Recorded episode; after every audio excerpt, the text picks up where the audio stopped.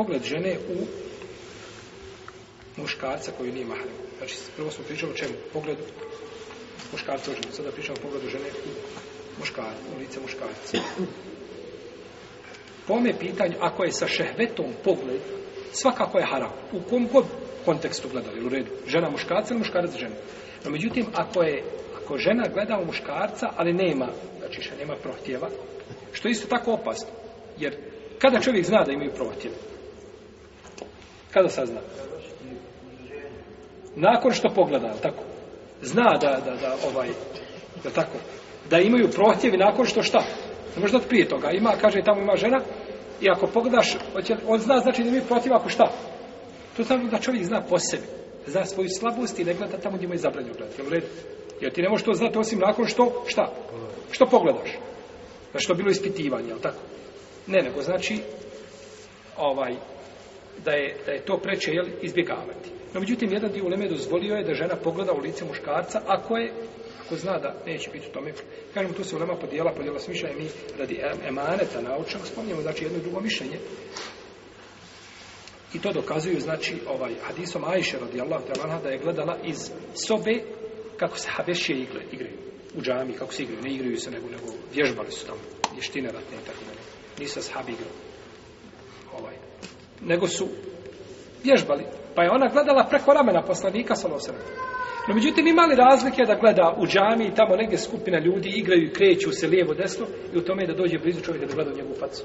Tako da je razlika. To je razlika. To su pokret, to slike, znači da čovjek ima skupina žena ovako da pređe očima preko nje. To je drugačije nego da dođe šta je da zabudi se u lice jedne žene i da gleda u nju. To je razlika velika.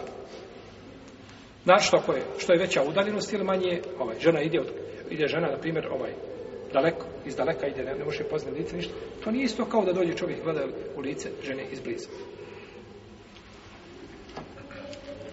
Kažu neki učenjaci, ovdje Aisha radijallahu talanha nije bila punoljetna nije bila punoljetna, tako, pa kaže, nije bilo dozvoljeno šta da gleda. Ona je, kaže, je bila, ovaj, došla u nekim, da je bila, kaže, a ja mala djevojčica.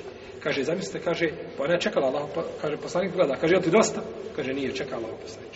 Pa je opet, kaže, jel ti dosta sad? Kaže, nije još Allah, poslanik, čekaj, moj žurti, kaže. A nije htjela, kaže, nisam imala potrebe, nego hoće, kaže, da ispitam kako je, kaže, moje mjesto kod poslanika, koliko se može strpiti sa mnom, tako? Tako, to je bio, jeli, vid ispita, pa Poslanik sam nije stio micati dok ona se nije zasitila. Pa kaže, zamislite kakvo mjesto ima jedna djevojčica kod poslanika sa osrame, jer u tom stanju je Kaže, ona tad nije bila još udala se za poslanika, nije znači, bila stuplo, ona je bila malo djeta kada su, se, kada su se vjenčali, ali tek nakon, jeli, svoje punoljetosti stupili, znači, u život. Pa kažu, to je bilo prije, jel toga. No, međutim, došlo je, braći, u nekim putevima, znači, ovoga hadisa, navodi se, da je to bilo nakon što je došla delegacija iz Habeše. A to je bilo poslije, to je bilo poslije ovaj 7. hidžreske godine.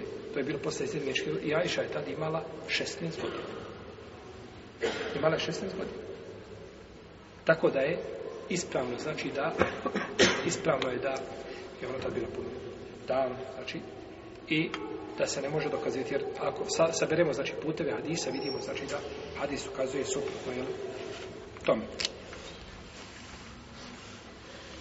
Isto tako ima hadis Fatime bintu Kajs, kaže da je poslanik sam rekao, kaže, idi kod Ibn Umi Mektuma, kod Abdullah Ibn Mektuma, on je bilo jezin poslanika, sam živio slijep. Pa kaže, kod njega možeš obložiti svoju odjeću. Pa je, znači, kaže, ovo je dokaz da u Boris kod njega u kući, da je nužno da ga vidi, tako.